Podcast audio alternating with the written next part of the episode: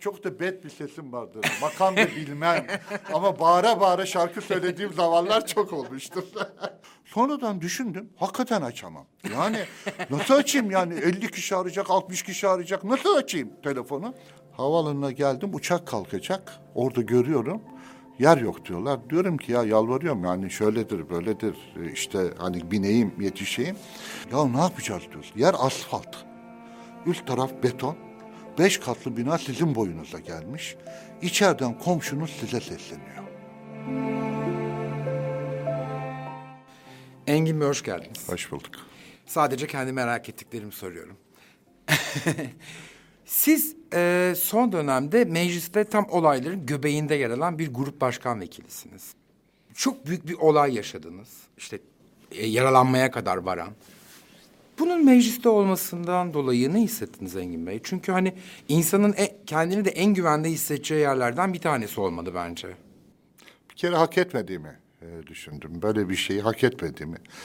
Türkiye Büyük Millet Meclisi Genel Kurulu'nda bütün insanların oylarıyla gelen ve bizim için gerçekten değerli bir yerde bir milletvekilinin, üstelik de bir grup başkan vekilinin böyle bir saldırıyı hiçbir koşulda hak etmeyeceğini e, düşündüm. Zaten e, yapmak istediğim, yaptığım şey de hiç kimseye hakaret etmek değildi.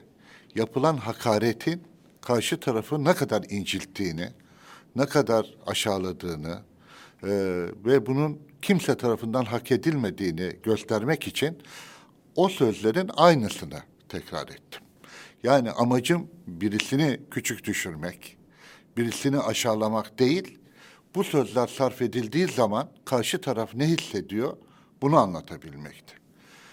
Biz eğer Türkiye Büyük Millet Meclisi gibi bir yerde kendimize ve ifadelerimize, hatta vücut dilimize dikkat etmezsek, o zaman bizi oraya gönderen insanların davranışları ve yaşam tarzları ile ilgili söz söyleme hakkımız olmaz. O yüzden ben bütün içtenliğimle ve samimiyetle söylüyorum. Asla kavgadan, ayrıştırmadan yana değilim. Tek istediğimiz şey bizim haklarımıza, kişisel haklarımıza, gerçekten inancımıza saldırı yapılmasın. Eğer bu yapılırsa bunda ne kadar incildiğimizi göstermek için bazen biz de sizin söylediğiniz sözleri size söyleyerek işte sizin yaptığınız tam da budur demek zorunda kalıyoruz. O yüzden o gün yaşadığım şeyde genel kuruldaki hiçbir arkadaşıma dava açmadım. Hiçbirisiyle ilgili en ufak bir şey söylemedim. Engin Bey başınızı kimin yaraladığını biliyor musunuz? Yani e, başım aslında o anlatıldığı gibi e, bir yumrukla veya bir şeyle yaralanmadı. Bir şey de vuruldu. E, yok, e, birisi itti beni. İtince e, İyi Parti sıralarına böyle kaykıldım düşerken kafam çarptı. Asıl başımdaki şey o. Fakat AKP grubundan bir birisi e, bana yumruk atarken, yukarıdan yumruk atarken omuzuna gelmiş ve e, eli kırılmış. Üç dört yerden eli kırılmış, alçıya almışlar. Onu daha sonradan e, öğrendim.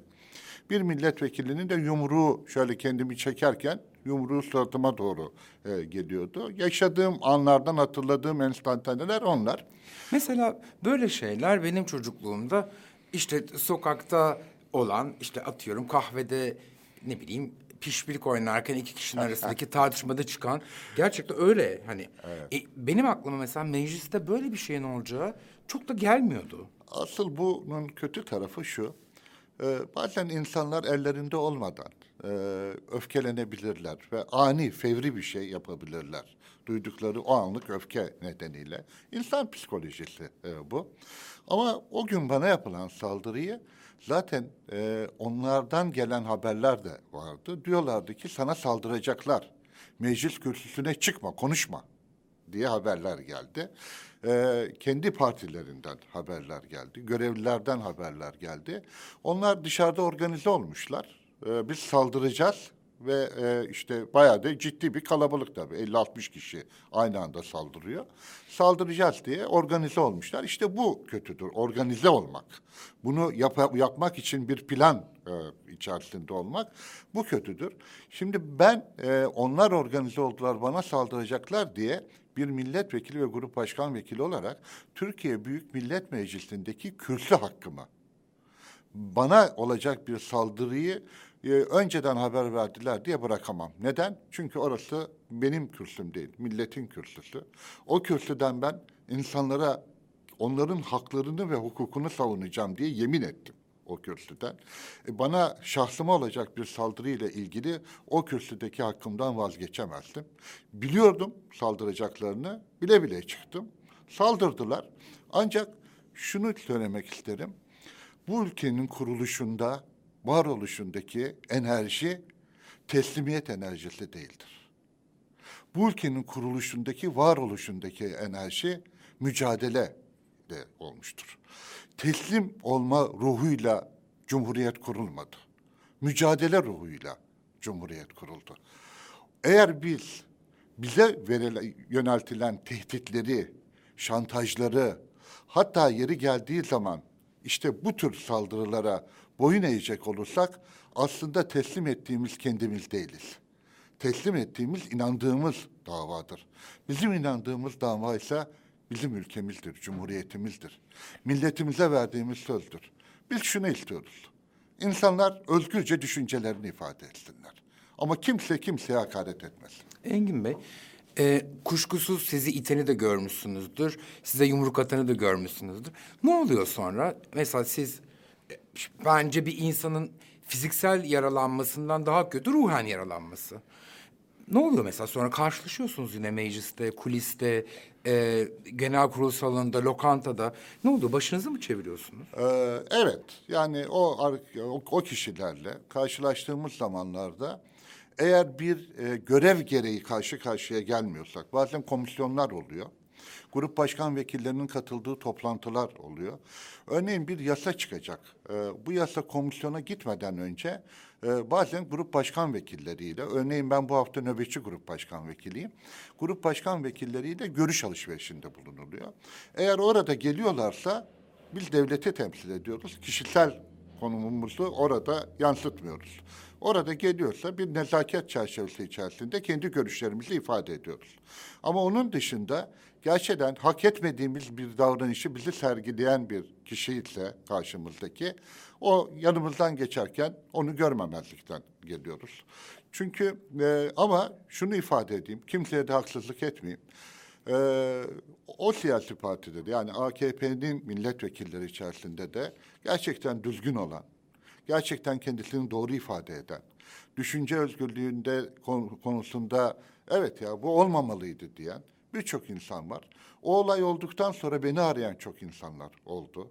Ee, hatta dışarıdan da arayanlar, eski milletvekillerinden, eski kuruculardan, AKP'nin kurucularından arayanlar oldu. Bunun hiç doğru olmadığını e, söylediler. Benim yaptığımınsa bir meşru müdafaa olduğunu aslında. Kendi benim yaptığımın değil hakaret, sadece hakaretin tekrarı olduğunu ifade ettiler. E, ben bütün bunları e, içime sindirebiliyorum. Öfkemi kendi içimde şöyle tutuyorum. Ben her gün kendi içimi arıtmaya çalışıyorum Armağan Bey. Yani eğer bunu yapmazsanız, bu yükle yaşamaya çalışırsanız bu yük sizi başka şeylere yöneltiyor. Ben kendi içimi temizlemeye çalışıyorum. Aklımı temizlemeye çalışıyorum. Yatağa yatarken, kitabıma başlarken, yola çıkarken kendi içimi temizleyerek çıkıyorum.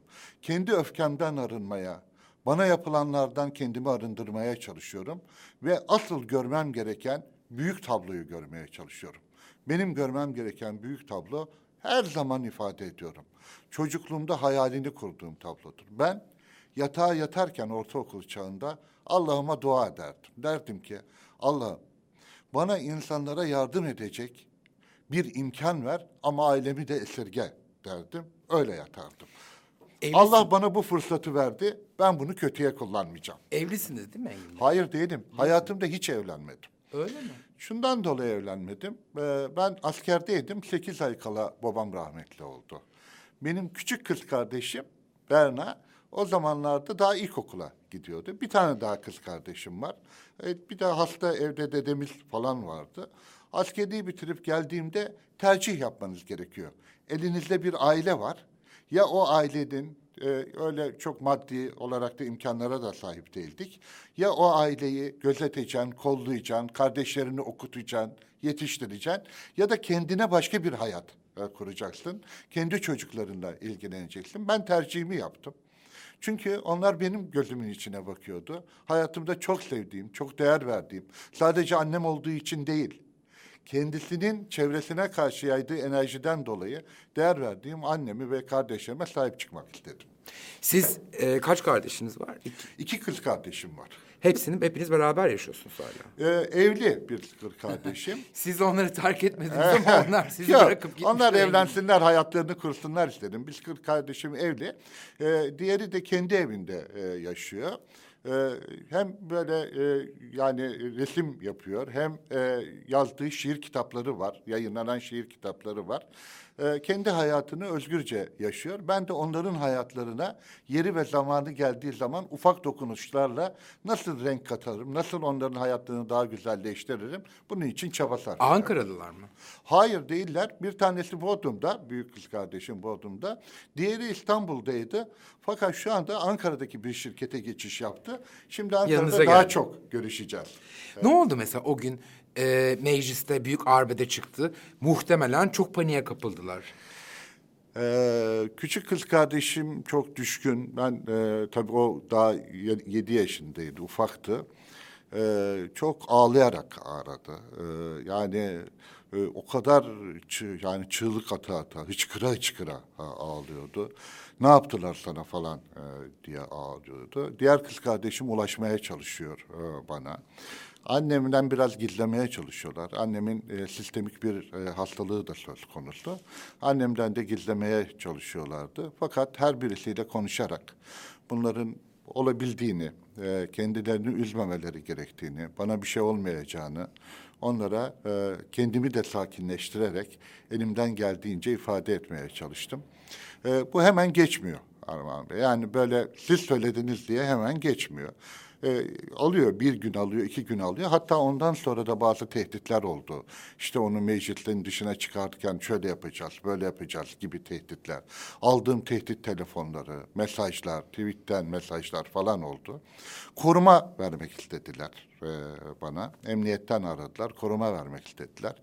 Bu korumanın şeyi yok Armağan Bey. Yani sınırı yok. Seni neyle koruyacaklar? Sen bir kere kendi insanlarından korkmaya başladığın zaman e, kaçacak başka bir alanın kalmıyor. Kime, kimden koruyacaklar seni? Her an bir şey olabilir. O yüzden asıl korumamızı kendi içimizde yapmamız gerektiğini düşündüm. Korumayı reddettim. İstemedim korumayı. E, gerçekten insanlar size bir kötülük yapmak isterlerse bir şekilde e, bunu yapabiliyorlar.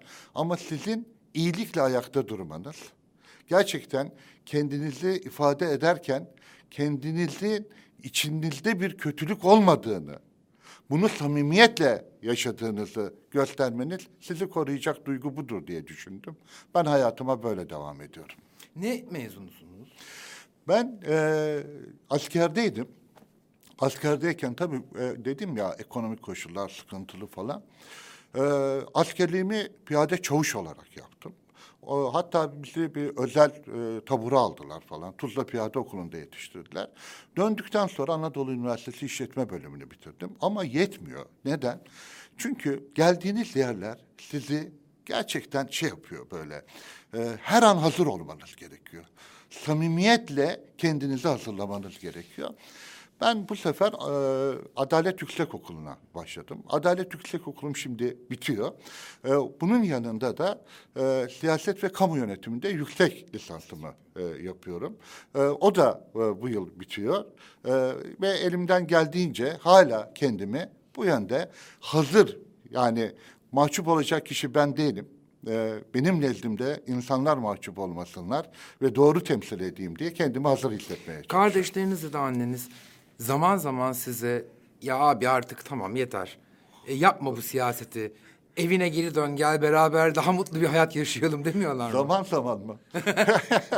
Yani her an e, diyorlar bunu, her an söylüyorlar.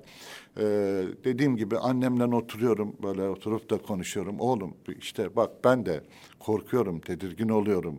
E, sana bir şey olsun istemiyorum.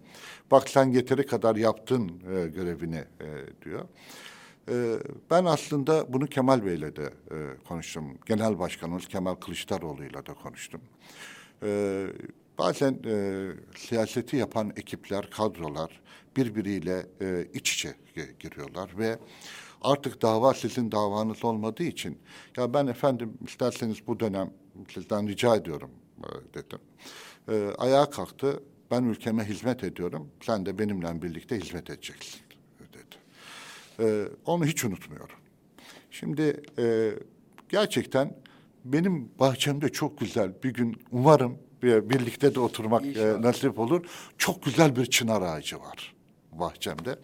Ee, o e, evde de zaten o yüzden böyle tercih etmiştim. Kocaman bir çınar ağacı. Onun altında kitap okumak, onun altında arkadaşlarımla sohbet etmek, onun altında dostlarımızla bir araya gelmek, gülmek, paylaşmak. E, benim çok arzu ettiğim, çok özlediğim şeyler. Zaman zaman sonra bana soruyorlar, diyorlar ki ne olmak isterdin diye, serseri olmak isterdim diyorum. Gerçekten ve sevdiğim bir abim var Selahattin diye. Diyor ki Engin diyor sen hiç çifte telli oynadın mı diyor. Oynadım abi dedim çifte telli oynamaz mı insan? Ya öyle değil dedi ben gördüm dedi sen böyle ağır ağır çifte telli oynuyorsun. Kendine dedi böyle atacaksın dedi. Ki, sana gülüyorlar mı gülmüyorlar mı ne yapıyorlar bakmayacaksın dedi. Öyle dedi içini dökerek dedi. Yok abi hiç öyle oynamadım dedim. Yani bizim e, hayatımız belli bir noktadan sonra kontrollü geçiyor. Ee, hep e, çevrenize dikkat etmeniz, kendinize dikkat etmeniz. Söz, sözümüz kurşun gibi. Ağızdan çıktıktan sonra tutup geriye koyamıyorsunuz. Mecburen kendimize dikkat etmemiz gerekiyor. Öyle bir hayatta tabii ki yorucu oluyor. Ailemi de yoruyor. Ama değiyor mu derseniz bazen hiç ummadığınız bir anda. Örneğin benim telefonlarım te- aynı telefonu kullanırım, herkese veririm. 24 saat açık. Gece saat 2'de sizi birisi arıyorsa iki kişiden birisidir. Ya sarhoştur, sizi arıyordur. Bak gördün mü? Açar demiştim. Açtı telefonu diye. Ya da ya da kızım yoğun bakıma almıyorlar. Şu anda beyin kanaması geçiriyor. Babam ölüyor. Kurtar diyen birisidir. Şimdi siz şu tercihi yapamıyorsunuz. Arkanızı dönüp acaba aman sarhoştur falan filan diyemiyorsunuz. O telefonu açıyorsunuz. Ben e, Sakarya'da o- 34 yıl sonra milletvekili oldum. 34 yıl Cumhuriyet Halk Partisi hiç milletvekili çıkartamadı. Ben ilk milletvekiliyim 34 yıl sonraki. İnsanlar nereye gitsem bana diyorlar ki ya Engin Bey sen de seçeceğiz seni beğeniyoruz seviyoruz da ama sen de telefonlarını açmazsın falan. Ya ilk önce açarım falan dedim. O politikanın verdiği de hırs var ya. Sonradan düşündüm. Hakikaten açamam. Yani nasıl açayım yani 50 kişi arayacak, 60 kişi arayacak. Nasıl açayım telefonu? Bu sefer aklıma bir şey geldi. Filmlerden mi seyrettiydim? Nereden seyrettiydim bilmiyorum. Aklıma geldi. Dedim ki eğer beni seçerseniz size söz veriyorum. Ben bir milletvekilliği irtibat bürosu açacağım ve başına CHP koymayacağım. Bu benim kentimden kim isterse beni arayacak ve burada bir görevli, bir aracı olacak dedim. Açtım milletvekili olduktan sonra. 10 gün sonra açtım. Ondan sonra bugüne kadar yaklaşık 27 bin kişi başvurmuş e, oraya. Ve onlarla birlikte ne oluyor şimdi? Mesela beni hasta arıyor değil mi? Böyleyken böyle diyor. Benim danışmanım hemen yola çıkıyor. Hastaneye gidiyor. Onun yanından beni arıyor, durumunu anlatıyor.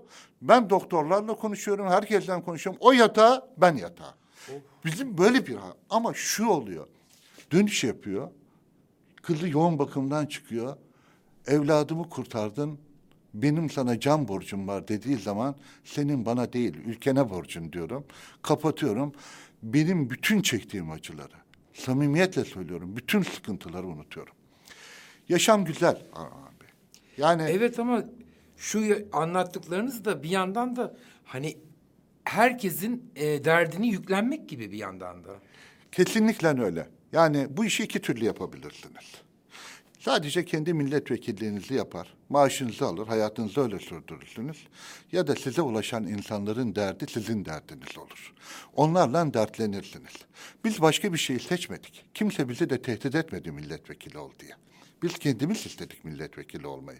Ne dedik? Ben çocukluğumun rüyasıydı. Duam kabul oldu. Ha öyle mi? Çocukluktan beri ister. Tabii çocukluğumda işte diyordum ya ortaokuldayken Allah'ım bana insanlara işte onun bana karşılıyorlar. Gerçi e, ben e, lisede de e, şeyde e, yıllığımda şey yazmışlar.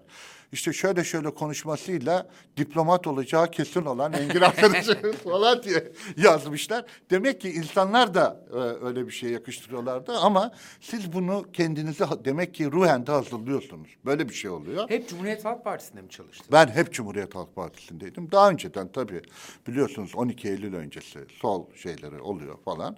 Ama ben Ticaret ve Sanayi Odası Meclis Başkanıydım Armağan Bey. Bir gün dediler ki Kemal Kılıçdaroğlu gelecek. Öyle mi dedim? Evet.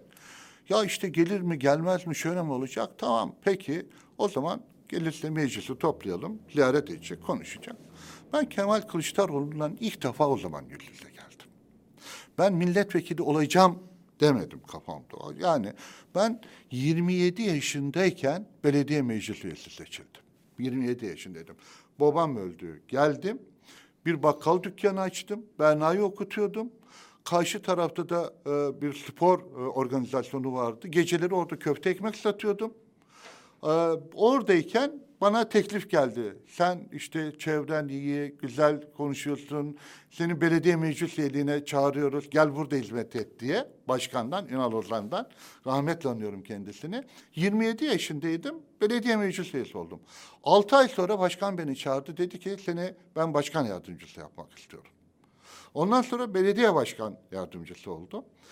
Daha sonra e, başkan kaybettikten sonra da devamlı beni gösterdiler. 14 yıl belediye meclis üyeliği yaptım. Sonra Ticaret ve Sanayi Odası Meclis Başkanı e, oldum. Oradayken e, Kemal Kılıçdaroğlu ile tanıştım. Daha sonra beklerim demişti. Ben bir randevu aldım. Gittiğimde ya dedim efendim siz geldiğinizde karşılaştığımız şeyler falan böyle sıkıntıları gördüm. Ee, hiçbir e, konuda hiçbir talebim olmaz size ama şunu bilmenizi isterim. Duruşunuzdan ve mücadele anlayışınızdan dolayı e, bir gün nerede beni görmek isterseniz yüreğinizdeki yerin neresiyse ben orada size yanınızda durmaya her zaman hazırım demiştim. Bir gün Gürsel Tekin aradı beni. Ee, öteki günde milletvekili şeyi son. Ee, Kemal Bey dedi e, size selamlarını söylüyor. Yüreğimizdeki yeri burası. Kendisi karar veriyorsa biz bekliyoruz dedi dedi. Öyle mi dedim? Evet dedi. Teşekkür ederim dedim. Kapattım. Meclis başkanlığından istifa ettim. Arkadaşlarım diyorlar ki Engin niye istifa ettin? Burası çok önemliydi falan. E, 34 yıl boyunca kimse vekil olamadı. Sen nasıl olacaksın? Biz dedim hiç Atatürk'ün lafı var ya hiç e, dinlenmemek üzere yola çıkanlar yorulmak nedir bilmez. Biz yola çıkalım. İnsanlarla oturalım, konuşalım, sarılalım. Bunun sonucunu alırız dedim. E, 43 bin oy alınıyordu devamlı. 88 bin oyla milletvekili seçildik. Vallahi 34 Adapazarı gibi tutucu bir yerden bravo, bravo yani. Adapazarı'daki şöyle bir ruh var. Adapazarı'nda benim kentimi çok seviyorum Armağan Bey. E, 17 farklı dil konuşuluyor Sakarya'da. Benim babam Düzceli. Öyle mi? Oo, hemşire sayılırız. Evet, 17 farklı dil konuşuluyor. Bizde böyle şeydir hatta bize sorarlar ne milletsin falan filan diye. Benim babam Çerkez. Ha ben de Çerkezim. Ee, evet. Ee, ne milletsin derler. İşte Çerkezim, Abhazım, Adıgeyim, Şapsıkım, Kabartayım, Arnavut'um, Gürcüyüm. Böyledir yani orada. Ama biz bir uyum içerisinde e, yaşadık orada. Bir dengeyi bulduk Sakarya'da. Ve bana o yatan insanlar öteki gün beni arayıp bazıları da şöyle dediler. Ya Allah affetsin ama sana oy verdim falan diye. Depremde. Adapazarı'nda mıydınız büyük depremde? evet. E, Orada yaşadınız. Ben Adapazarı'ndaydım. Ee, beş katlı bir binadaydım. Yanımızda da beş katlı bir bina vardı. Deprem e, olduğu saatlerde e, hayatımdaki yaşadığım en büyük travmalardan bir tanesi. Deprem olduğu saatlerde e, çok büyük bir binada çatırdama sesiyle uyandık. Binanın aşağı doğru yatıp kalktığını falan. O sırada başka bir gürültü duydum. Bir taraftan kardeşlerimi ve annemi çıkartmaya çalışıyorum ama kapıya gidebilme olanağı çok zor. Savruluyorsunuz. Aşağı indiğimizde eee yandaki binanın benim boyum kadar olduğunu, o beş katlı binanın yerle bir olduğunu ama hala enkazın altından benim sesimi duyup da seslenen insanlar oldu. Eee, onları yan komşumuzun gerçekten eee, ya ne yapacağız diyoruz. Yer asfalt. Üst taraf beton. Beş katlı bina sizin boyunuza gelmiş. İçeriden komşunuz size sesleniyor. Ve beni kurtarın diyor. Yani ne yapabilirsiniz bilmiyorum. İş makinesi yok, o yok. İlk anlar. Ne yapabileceğinizi bilemiyorsunuz. Yandaki komşu bir demir levyeyi aldı, bir çekiçle asfalta vurmaya başladı. Hayranlıkla ona baktım. Ben de hemen bir yerden bir şey aldım. Ve orada gerçekten bir müddet ben yardımcı oldum. Diğer sonra komşular geldiler, yardımcı oldular ve o aile kurtuldu.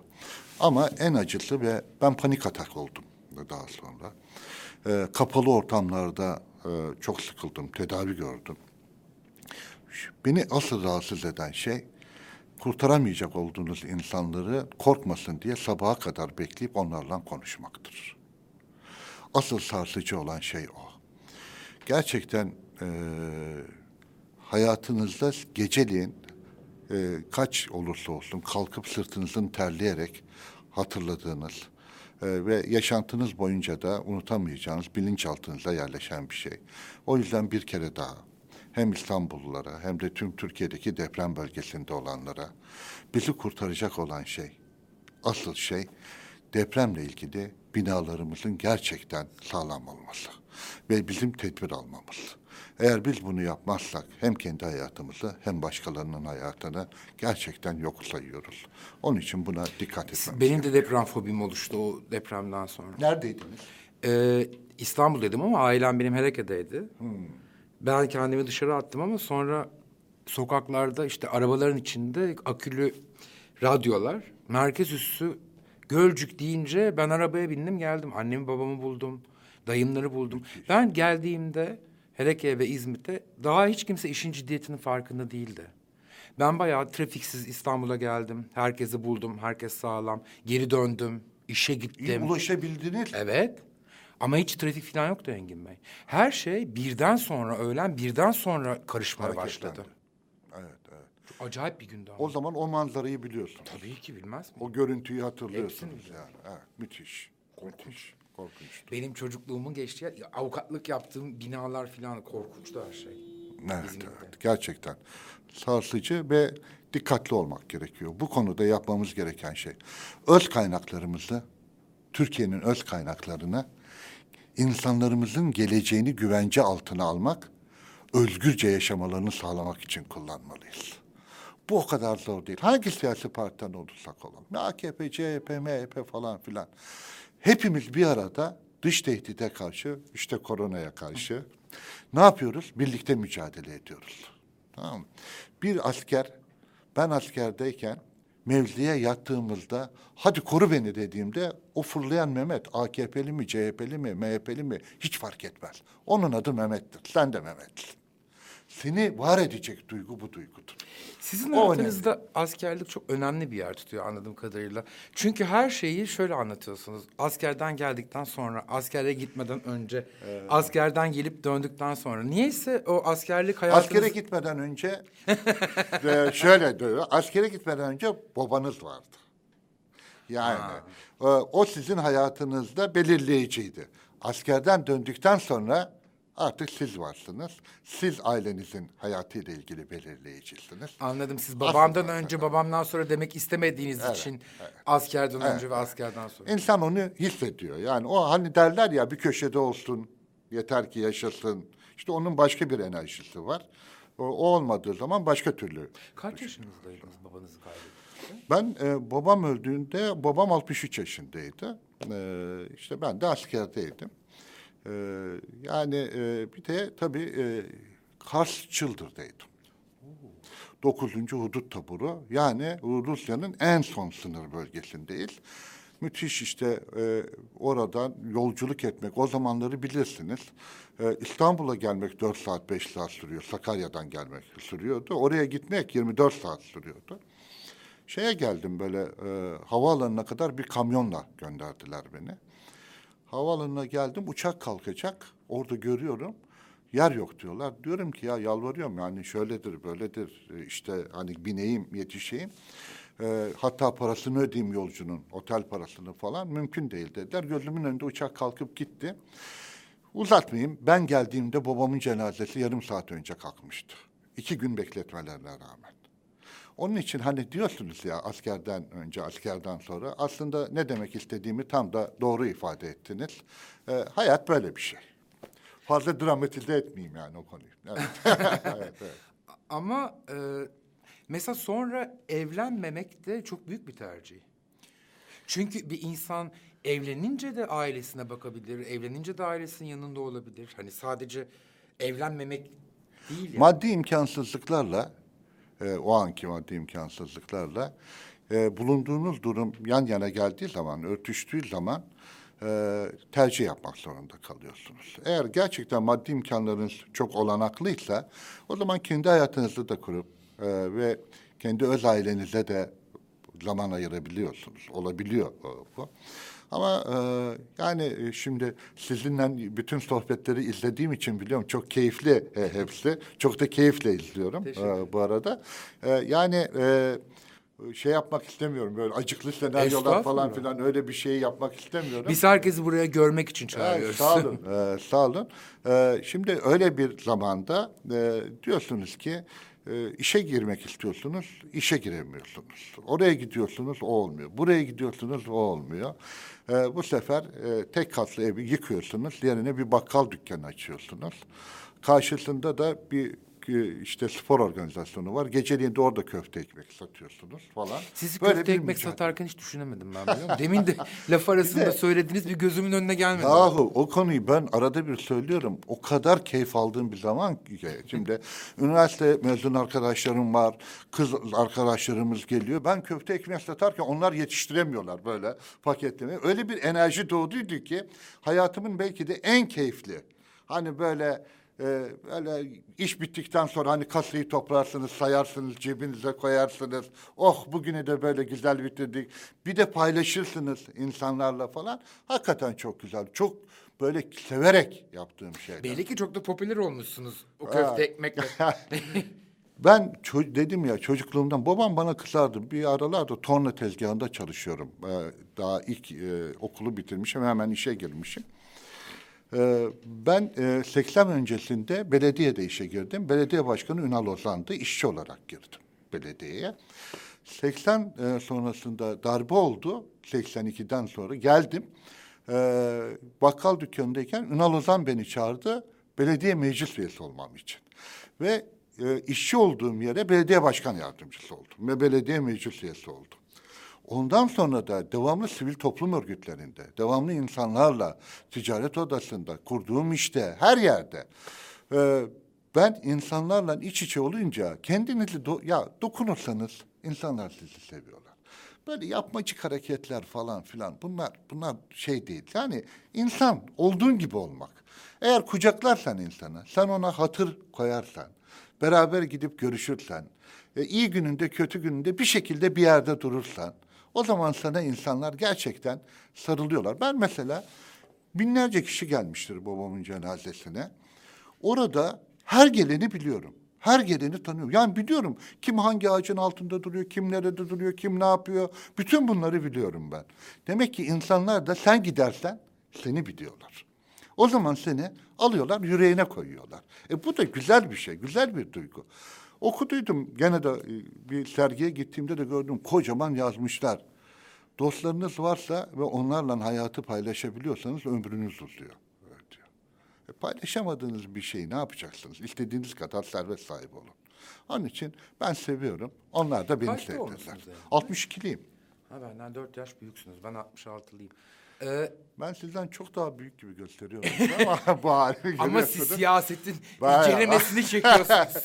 ben de ben de siyaset ceremesi yok. Vallahi ben Çocuklarınız olsunuz ister miydiniz yoksa mutlu musunuz böyle? Mesela ben benim de çocuğum yok. Ben de hiç evlenmedim.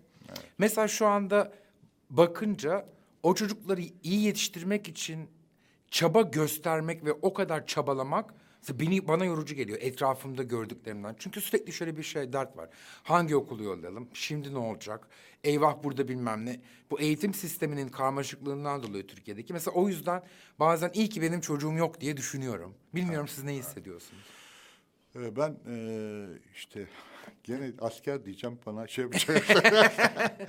ben, bana ufak diye bir resim göndermiş bana o ufak kardeşim. Baktım rengi falan filan soluk. Şimdi e, bir asker arkadaşım diyor ki sekiz ay boyunca onu ranzanın üstüne takmıştın. Hep ona seslenirken hatırlarım seni e, diyor. Şimdi bu benim kardeşim bir de çocuğunuz.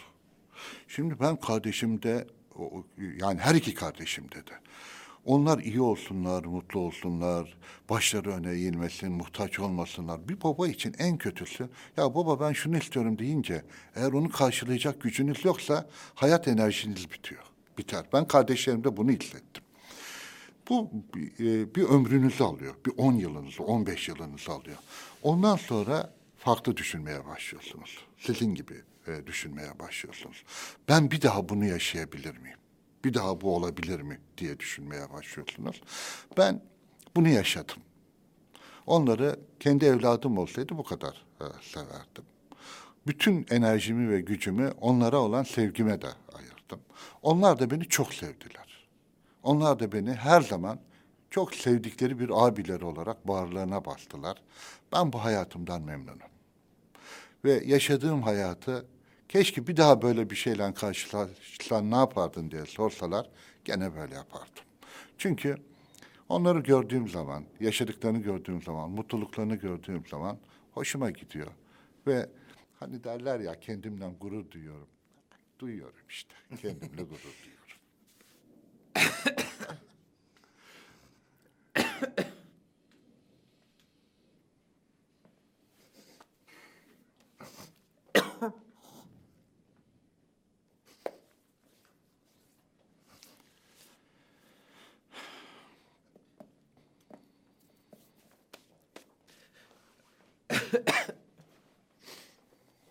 Aa dünden beri. Ben sizi boşuna sevmemişim.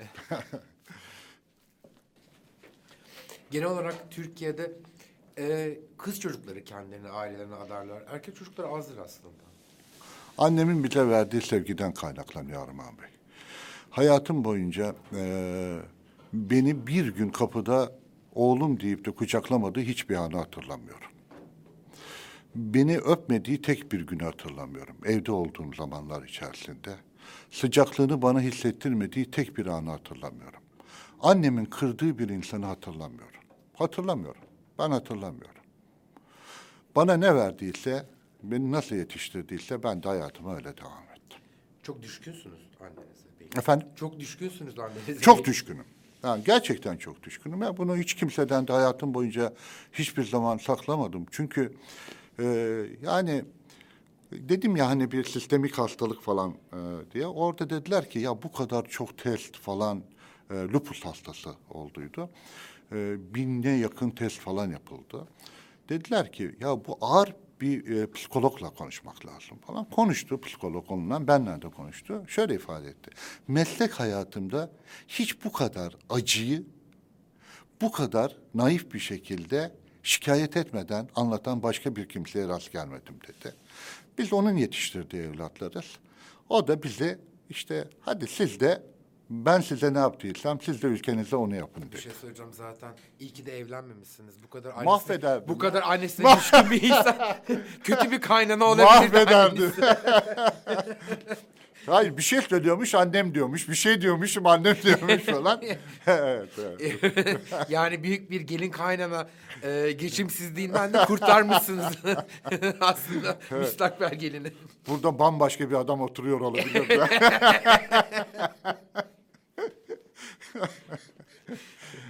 Ne kadar daha devam edeceksiniz siyasete?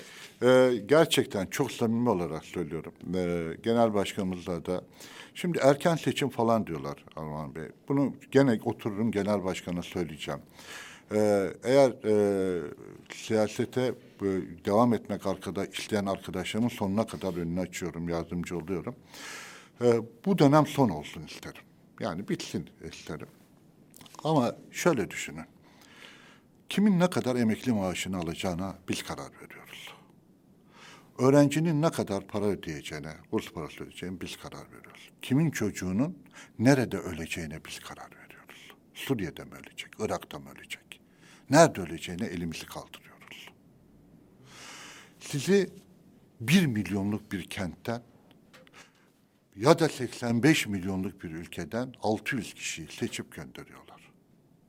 Aldığınız kararlar ben siyasetle ilgilenmem, siyaseti sevmem diyen herkesin hayatını ilgilendiriyor. Siz dizayn ediyorsunuz.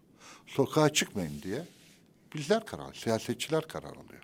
65 yaş üstü oturacak siyasetçiler karar alıyor. Biz karar alıyoruz.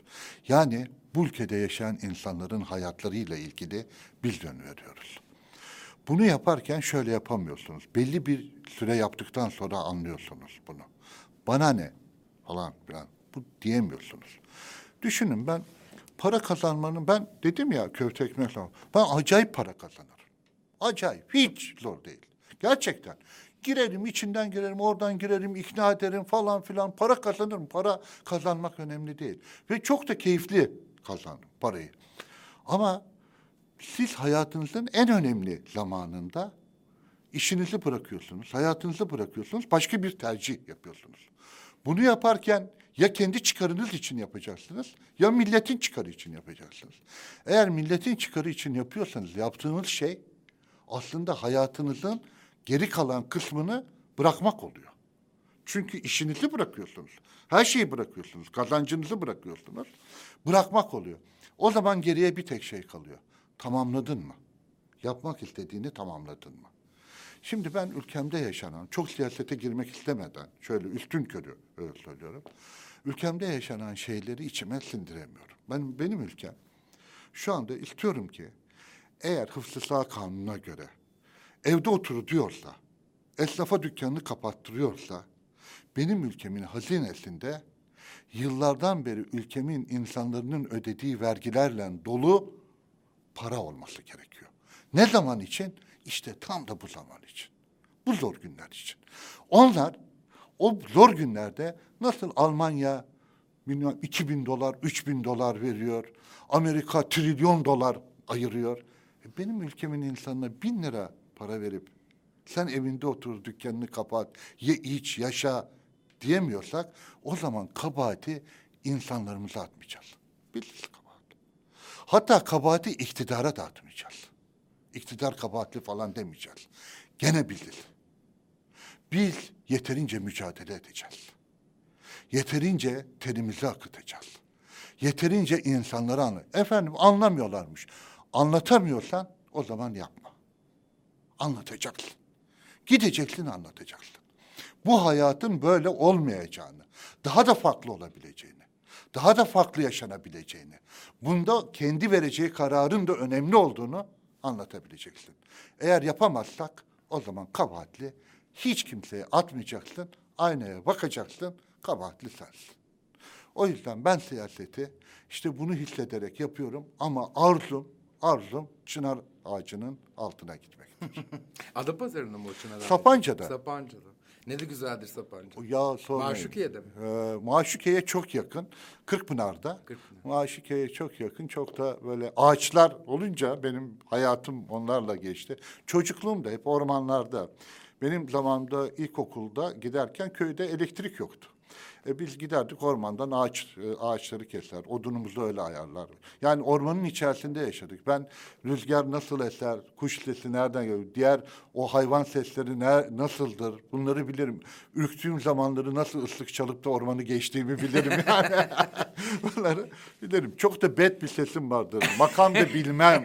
Ama bağıra bağıra şarkı söylediğim zamanlar çok olmuştur. çok. Bir şey söyleyeyim mi?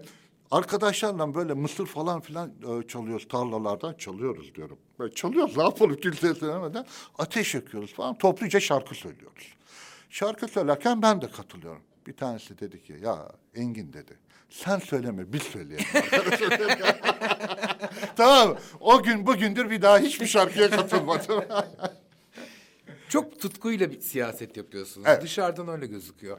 Ee, Muharrem Bey'in çok e, iddialı olduğu Cumhurbaşkanlığı seçimin gecesi ne hissettiniz Engin Bey? Çünkü bel- bir tarafta Muharrem Bey'in en azından ikinci tura kalacağı yönünde çok büyük bir beklenti vardı. Fakat o gece ne olduysa oldu. Bir sürü insan küstü. Ee, büyük bir iletişim kazası yaşandı. Tutkuyla siyaset yapan ve e, CHP'nin önemli bir görevinde olan bir insan için ne hissettiniz? 2004 yılında Büyükşehir Belediye Başkanlığı'na aday olduydum Sakarya'da. Kaybettim o zaman. Ee, inanın bana e, bir hafta evde kaldım ve ağladığım zamanlar oldu. Yani böyle içim içim yandı, buram parçalandı. Şimdi e, kendi kendinize hayal kuruyor. Hayal kurmadan siyaset yapamazsınız.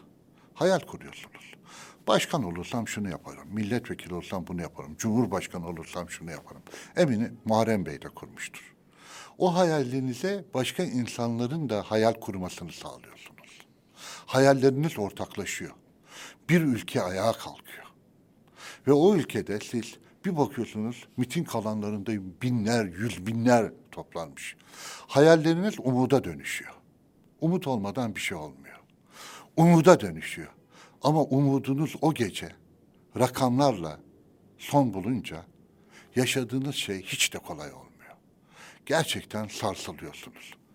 Şimdi bir lider kendisi aday olmak ister. Değil mi? Ben ben aday olayım der. Kemal Kılıçdaroğlu kendisi aday olabilirdi. Tamam. Muharrem İnce ben aday olayım dedi. Hiç unutmuyorum o gün. Pa- Parti meclisi toplandı. Ben de parti meclisindeyim, üyeyim. Toplandı ve e, genel başkan bu konuda adayımızı biz milletimize soracağız ve öğreneceğiz dedi. Daha sonra bütün milletvekillerini topladı. Muharrem İnce'yi davet etti. İnsanlarımızın da istediği bizim de adayımız sensin dedi. Tuttu elini kaldırdı. O da bu yarışı sürdürdü, mücadele etti. Şimdi o gece artık beklediğiniz şey yeni bir Türkiye. Yeniden bir parlamenter düzen inşası. Layık, demokratik, güçlü bir parlamenter sistem. Güçler ayrılığının olduğu bir parlamenter sistem. Türkiye'nin dış sermayenin gelip de yatırım yapabileceği adil bir hukuk düzeninin tekrar inşa edileceği bir Türkiye. Bunu gerçekleştireceksiniz. Tüm bu hayalleriniz ve umutlarınız rakamlarla bitiyor. Bu sarsıcı. Onun için hep beraber büyük acı çektik. Sadece biz mi? Bunun arkası depresyon oluyor mu? Olur. olur olur. Olur. Bir kere kendinizi, kendinize davanızı bir kere daha inandırmanız gerekiyor. Kendinizi bir kere daha ikna etmeniz. Yenilemeniz gerekiyor. Yenilemeniz gerekiyor. Öyle kolay bir şey değil. Yani bir, bir daha başlamanız gerekiyor. Onun için olmaz olur mu? Olur. Ama başlıyoruz, yapıyoruz. Bir de ülkemizin insanları çok güzel insanlar var. Çok güzel gençler yetişiyor. Gel güzel güzel kafalar var. Onları da görüyorsunuz ve umudunuz tekrar yakalıyorsunuz bir yerden. Yani e, umutsuz durumlar yok diyor ya Mustafa Kemal Atatürk. Umutsuz insanlar var diyor. O yüzden bizim umutumuzu asla yitirtmemeliyiz. İnsanlara Türkiye'nin gerçeğini anlatırken hep eleştirerek, kötüyü söyleyerek değil. Aynı o Mustafa Kemal Atatürk'ün umutsuzluktan cumhuriyeti tekrar inşa ettiği gibi o başarıyı yakalayabileceğimiz umudunun Türkiye'nin potansiyeli olduğunu herkese inandırmalıyız. Çünkü gerçekten çok güçlü bir ülkeyiz. Sapanca güzel diyorsunuz ya. İstanbul güzel, Bolu güzel, Düzce güzel. Benim ülkemin her yeri ayrı bir güzel. Dışarıdan büyük pencereden baktığın zaman dünya penceresinden ülke böyle inci gibi oturmuş oraya. E şimdi böyle bir ülkede yaşayan insanlarla birlikte hak ettiği şeyi tekrar onlara sunmak lazım ve senin elinde böyle buna hizmet edecek bir fırsat var. Bu önemli. Engin Bey geldiğiniz için çok teşekkür ederim. Ben teşekkür ederim. Sizi bu kadar yakından tanımak gerçekten çok keyifliydi. Benim için de. Ee, çok az e, bugüne kadar bir sürü yani bir- birçok insanla misafirle konukla çekim yaptık. Ama siyasetçilerle çekim yaptığımda daha mutlu oluyorum. Çünkü siyasetçiler kendi insan yönlerini niyeyse saklamayı tercih ediyorlar hep. Ama burada onların bir sürü insan yönünü görmek bana çok büyük keyif Buranın veriyor. büyülü yeri de o. evet. Arkadaşlara girmeden önce söylemiştim. Ben izliyorum. Yapılan programları da izliyorum YouTube üzerinden. Buranın büyülü yeri o. Dedim ya sizin başardığınızı biz de başarmak istiyoruz. Teşekkür ederim. İyi ki geldiniz. Sizi tanımaktan çok büyük keyif aldım. Çok keyifliydi. Çok sağ olun. Sağ olun.